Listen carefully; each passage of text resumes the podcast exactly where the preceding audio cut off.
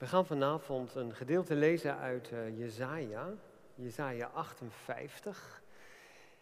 En zoals het heel vaak gaat bij onze mensen, zijn wij uh, hmm, ontevreden over wat we ervaren en mopperen we. Hè, daar zijn we ook Nederlanders voor. We mopperen nogal gauw. God hoort dat en hij gaat erop antwoorden ook in Jesaja 58, ook als het gaat over mensen die zichzelf zo geweldig vinden omdat ze al een hele lange tijd vasten. En wat dat is, dat zullen we dan vanavond wel horen. We gaan lezen uit Jesaja 58. Roep luidkeels zonder je in te houden. Verhef je stem als een ramshoren. Maak aan mijn volk zijn misdaden bekend, aan het volk van Jacob zijn zonden. Zeker, ze zoeken mij dag aan dag, vol verlangen om te ontdekken wat ik wil, zoals een vreemd volk dat rechtvaardig leeft en het recht van zijn goden niet verzaakt. En ze vragen naar mijn rechtvaardige voorschriften en verlangen naar Gods nabijheid.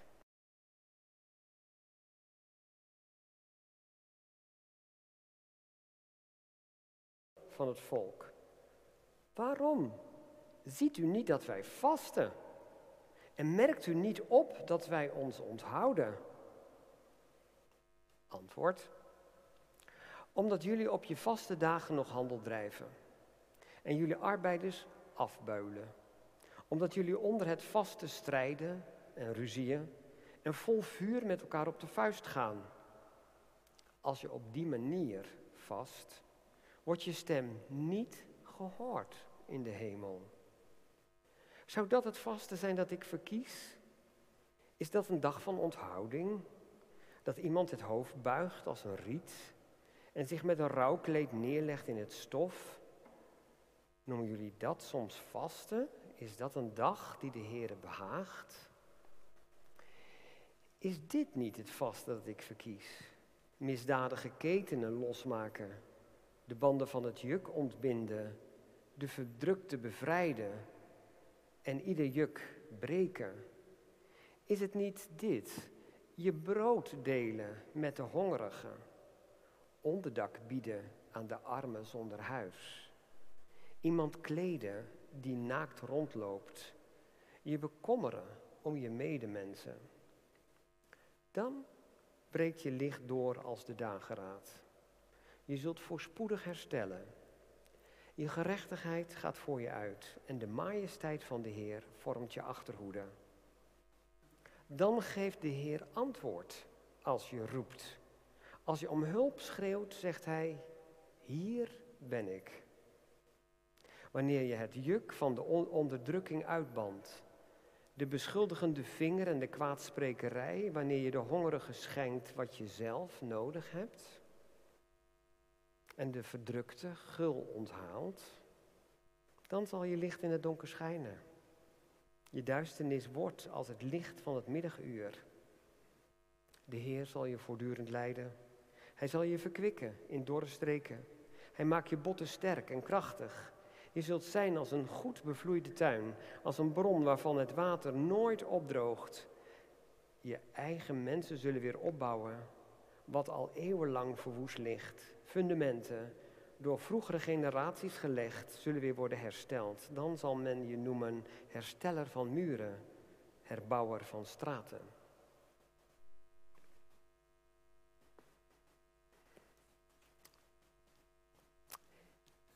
In deze 40 dagen tijd voor Pasen staan we, zoals net ook al is gezegd, in bijzonder stil bij de weg die Jezus is gegaan om voor ons het leven te brengen.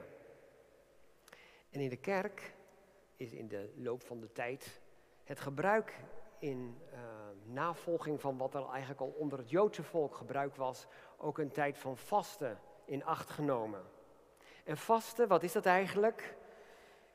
We zijn niet zo heel erg mee bekend, maar vasten is voor een tijdje minderen in je consumptie. Of misschien wel helemaal stoppen met eten wij kennen als uh, christenen eigenlijk niet zo'n vastgestelde en voorgeschreven dag of periode waarin je geacht wordt te vasten. Als een algemene regel, bijvoorbeeld zoals de moslims wel kennen. En wat ook in het Oude Testament ook wel gebeurde, op de Grote Verzoendag bijvoorbeeld. Als er zo'n hele speciale dag was, dan werd er verwacht van het volk Israël dat ze zouden vasten. Christenen kunnen wel vasten, maar vooral op bijzondere momenten, bijzondere gevallen.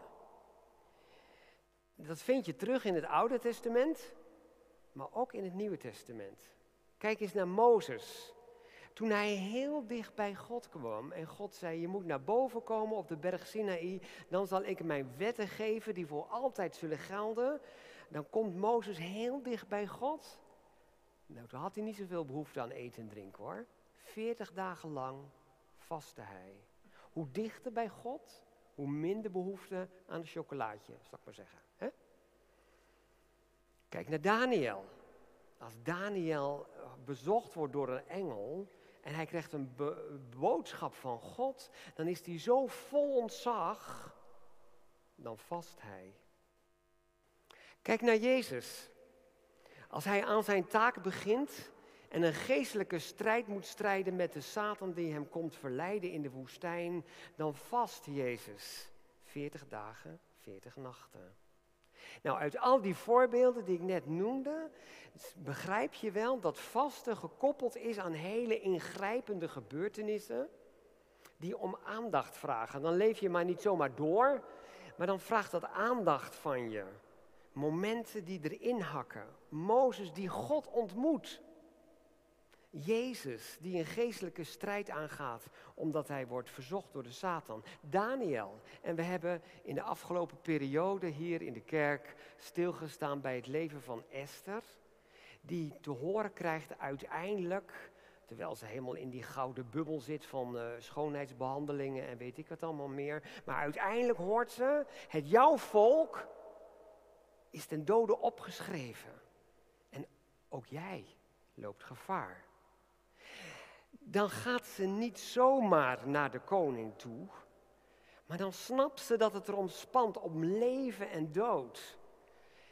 En dan zegt ze tegen de andere mensen, wij moeten bidden en we moeten vasten, want nu spant het erom. Kunnen we blijven leven? Gaat dat doodvonnis, wat over ons is uitgesproken, gaat God een wonder doen om dat te keren? Gebeurtenissen die meer dan het gewone zijn. Je zou kunnen zeggen dat als je komt te staan voor zulke momenten, dat je dan wel heel erg in, in, in de gaten hebt, ik heb Gods hulp nodig. Ik, ik heb behoefte aan zijn nabijheid.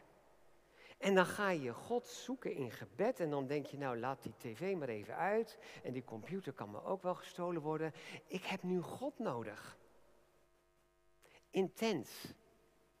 En dan kan je door middel van vasten, door niet te eten, misschien kun je op zo'n moment al niet eens meer een hap door je keel krijgen, toch?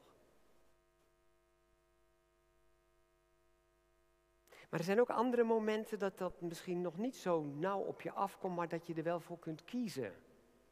Dat je ervoor kunt kiezen om minder te consumeren, om daarmee tijd vrij te maken om God te zoeken. En dan gebeurt er iets bijzonders, want vasten in de Bijbel, dat is eigenlijk het tweede wat ik wil zeggen. Het vasten in de Bijbel is altijd gekoppeld aan bidden. Het gaat altijd om de relatie met God. Hoe sta je tegenover God? Zo vind je dat ook in Matthäus 6 bijvoorbeeld. Er zijn natuurlijk ook mensen die op een andere manier eigenlijk al voordelen van vasten hebben ontdekt. Om hele andere reden, bijvoorbeeld om af te vallen dat kunnen we ook wel gebruiken in onze consumptiemaatschappij. We worden voortdurend, krijgen we reclame over ons heen. Dit moet je nemen en dat moet je kopen en dat is goed voor je enzovoort. Dat is heel lekker. En we eten gewoon veel te veel. Veel meer dan we nodig hebben. En dus is uh, obesitas ook een welvaartsprobleem waar heel veel mensen en ook het Nederlandse volk wordt heel voor gewaarschuwd. Kinderen worden veel te dik. Het wordt tijd om een keer te vasten. Maar dat heeft natuurlijk verder helemaal niets te maken met je relatie met God. Want bij God gaat het eigenlijk om veel meer dan alleen maar om je lichaamsgewicht. Het gaat er God erom dat jij een licht wordt in een duistere wereld. En dat jij zo gaat leven dat je eigenlijk Gods licht gaat weerspiegelen. Daarom zegt God, dit is vasten, wat ik fijn vind, wat ik verkies, is dat jij misdadige ketenen los gaat maken. Dat jij banden van het juk gaat ontbinden. Dat jij verdrukte gaat bevrijden. Ieder juk. Dat is kwaliteit van leven. Dit is wat God wil met ons leven. Dat we niet ons alleen maar gaan onthouden van voedsel en denken, nou, zijn wij even goed bezig. Maar dat het ons erom gaat, hoe gaan wij eigenlijk met God om en wat is Gods wil met ons leven? Kom tot bezinning. Wees eens eerlijk. Denk eens na. Waar leef je voor? Doe je misschien wel heel vroom? Ga je mooi naar de kerk? Denk je, dat is ook wel belangrijk. En vind je het heel mooi om dit soort liederen te zingen met elkaar. En tegelijkertijd is er een heleboel dingen scheef in je leven. Nou zegt God tegen dat volk Israël, wat zit te mopperen op hem. Die, dat volk Israël, die dacht, nou, moet kijken. We nemen al die dagen strikt in acht, hè. We moeten die dagen vasten, doen we allemaal. Maar we hebben helemaal niet het idee dat we contact hebben met God. Waar is God? Wat is er mis met God? Nou, zegt God, er is niks mis met mij. Ik denk dat we even in de spiegel moeten kijken. Er is waarschijnlijk iets mis met jullie. Want je vast wel, maar tegelijkertijd zijn de mensen die van jou afhankelijk zijn nou niet echt blij dat ze voor je moeten werken. Want ondertussen, terwijl jij zit te vasten, moeten zij alleen maar harder werken. De winst moet omhoog. Het moet wel 24-7 moet het wel doorgaan, hè? Er moet wel winst gemaakt worden. Dus zij krijgen er geen rust. En je vraagt dan aan mij, zegt God, waarom ik niet luister naar jouw gebed? Heftig, hè? Dat God ook nog een keer zegt, ik luister niet. Waarom zou ik moeten luisteren? Je luistert toch ook niet naar mij? Als je gaat vasten, ga je kwetsbaar opstellen ten opzichte van God. Je moet afkicken van bepaalde gewoonten, toegeven aan steeds maar blijven eten. Of toegeven dat je nog steeds die andere Netflix-serie ook nog even wil zien, die andere aflevering. Als je gaat vasten, dan kom je er eigenlijk achter dat je toch meer vastzit aan verslavende gewoonten dan je had gedacht. Als je gaat vasten, dan ga je letterlijk en figuurlijk je afhankelijk opstellen van God. Maar dat is juist mooi. Want God zegt, als je dat doet, weet dan zeker, dan zal ik naar je luisteren. Als je dan mij zoekt en je wil contact met mij, dan zal ik antwoord geven. Weet dat zeker. Dat vind ik heel erg mooi in Jezaja 58. Dat heel, aan de ene kant heel scherp, maar aan de andere kant ook fantastisch mooi. Dat God zegt, ik geef antwoord als je roept. Als je echt laat zien dat het om mij gaat, dat je echt mijn wil zoekt, ook al zit je in hele moeilijke en lastige omstandigheden, dan zal ik naar je luisteren. En dan zal ik je antwoord geven. Dan zal ik zeggen, hier ben ik. Op God kun je aan. Als jij de tijd gebruikt om tot bezinning te komen, en eens na te gaan, waar loop ik nou zo hard voor eigenlijk? Is er eigenlijk iets waar ik dan zo mee bezig ben dat ik eigenlijk helemaal geen tijd neem om naar, echt naar God te luisteren? Want ik ben zo druk. Als je die tijd neemt, zal God je antwoorden, zal God je leiden. En zegt God, Als je dan minder gaat eten, minder gaat kopen, als je misschien de aankomende weken misschien geen uh, kleding gaat bestellen via uh, online of zo, dan hou je waarschijnlijk geld over, toch? Dat zou je nou kunnen gebruiken om je brood te delen met de armen. Dan zijn er mensen, als je nou eens goed naar, als je nou stil komt te staan, dan komt er vanzelf wel in je gedachten dat er mensen zijn op deze wereld, misschien wel heel dichtbij of verder weg, die inderdaad niks hebben om aan te trekken. Kan je mooi jouw kleren voor geven, toch? Dat is vasten. Daar heeft de wereld wat aan. Daar hebben andere mensen. Dat is wat God prachtig vindt. Dat jij deelt van wat jij hebt. De overvloed, de zegen die je hebt gekregen. Dat je dat mag delen met andere mensen die dat niet hebben. Zou het ook een risico voor ons kunnen zijn? Dat we misschien wel heel erg gericht zijn op uh, wat mag ik dan nog wel eten en wat niet. En uh, hoe doe jij dat nou precies? Hè? We zijn echt hele westerse mensen die erg houden van ranking. Of wat doe jij allemaal? Oh, dat is wel, dat is wel heel serieus zeg. Nou nee, zover kan ik nog niet gaan. Maar ja, ja, ja jij wel natuurlijk. Hè? Wie is de eerste? Zo doen we dat, hè? Dat is voor God helemaal niet belangrijk. Voor God is het veel belangrijker dat je met Hem, dat je Hem zoekt. Dat je hart erbij is. En dat je zelf in, in, in gesprek met God mag weten hoe jij dat dan vormgeeft. Of je dan de televisie uitlaat. Of je dan eens een keer zegt, nee, dan eh, hoef ik inderdaad die volgende aflevering van die uh, populaire serie eigenlijk helemaal niet te zien. Want daar hou ik tenminste de tijd over. Wij zeggen heel vaak, we hebben geen tijd. Hoezo geen tijd? Wees eens eerlijk. Waar heb je dan wel tijd voor? Voor al die series? En die vriend van jou, die aan jou gevraagd had, wil je me alsjeblieft hiermee helpen? Oh, helemaal geen tijd, man. Nee, nee, nee, nee, ja. Sorry hoor. Ik had het zo druk. Met jezelf waarschijnlijk. Met je eigen wensen, met je eigen verlangens, met je eigen doelen.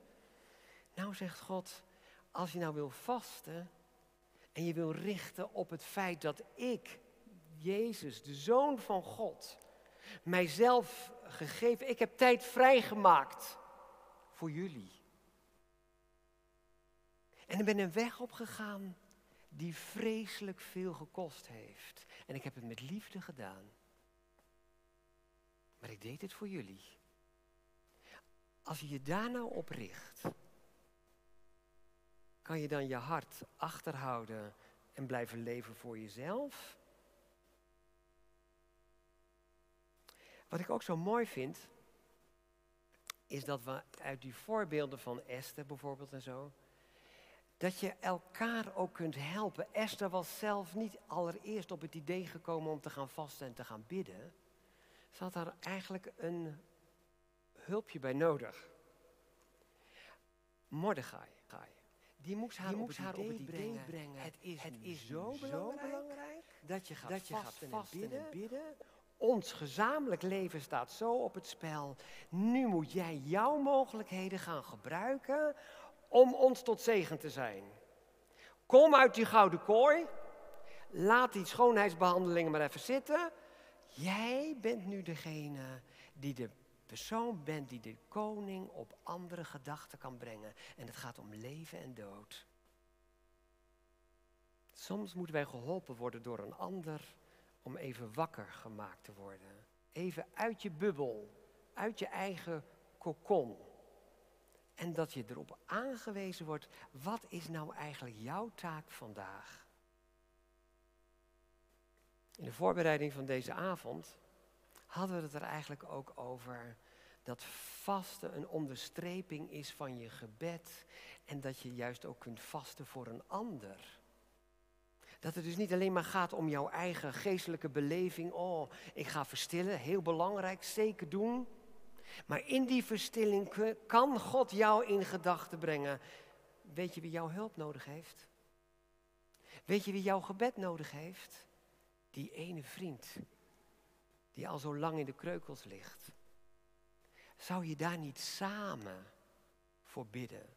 Zou je daar niet samen voor kunnen vasten? Om, om tijd, vrij, vrij te maken voor hem, voor hem, voor haar. Weet je wat dan, je wat dan zo prachtig is? Dat als je dat, dat gaat doen, dat de liefde van God heel concreet voor je wordt. Als je dat samen doet en je samen erop richt om voor die ene te bidden, misschien gaat God horen dat die vriend geneest.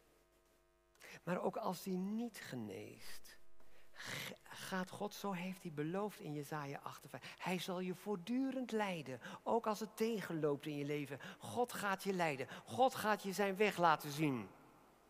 En dan ga je samen ervaren, God is onze redder. Jezus is onze redder. Hij is ons nabij. Hij laat ons niet in de steek. Er gebeuren verschrikkelijke dingen in deze tijd. We kunnen er uh, bang van worden, hè? van wat er gebeurt in Oekraïne. Maar de mensen hebben ons gebed nodig, onze focus. Als we dan samen kunnen ervaren, God is het die redt. En u bent het die de angst verdrijft. Dat is vasten wat God verkiest. Zegen daarin.